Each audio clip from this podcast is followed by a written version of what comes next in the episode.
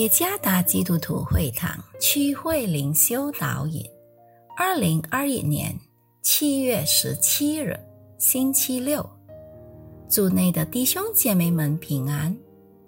今天的灵修导引，我们将会借着圣经马太福音十一章三十节来思想今天的主题：轻省的担子。作者梅沙传道。马太福音十一章三十节，因为我的恶是容易的，我的担子是轻省的。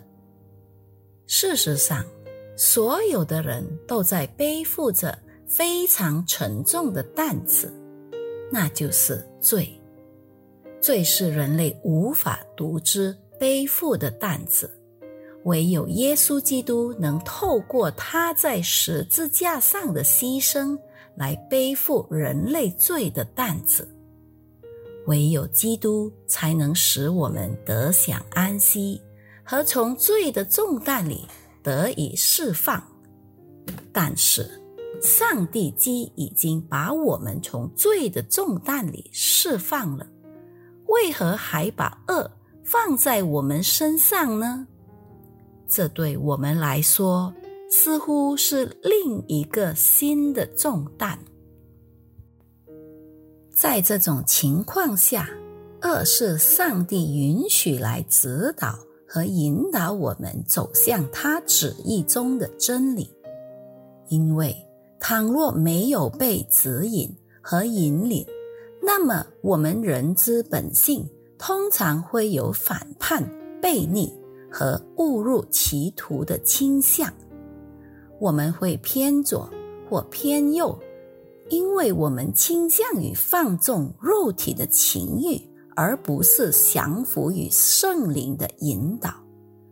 上帝有的时候不得不透过他所负的恶来拉我们，以便我们要服从他的旨意，而不偏离他的真道。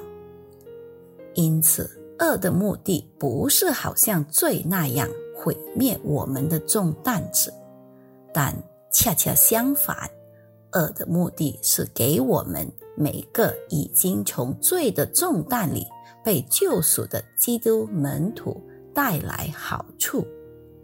上帝所负的恶，使我们醒悟，并再度归顺回上帝的旨意。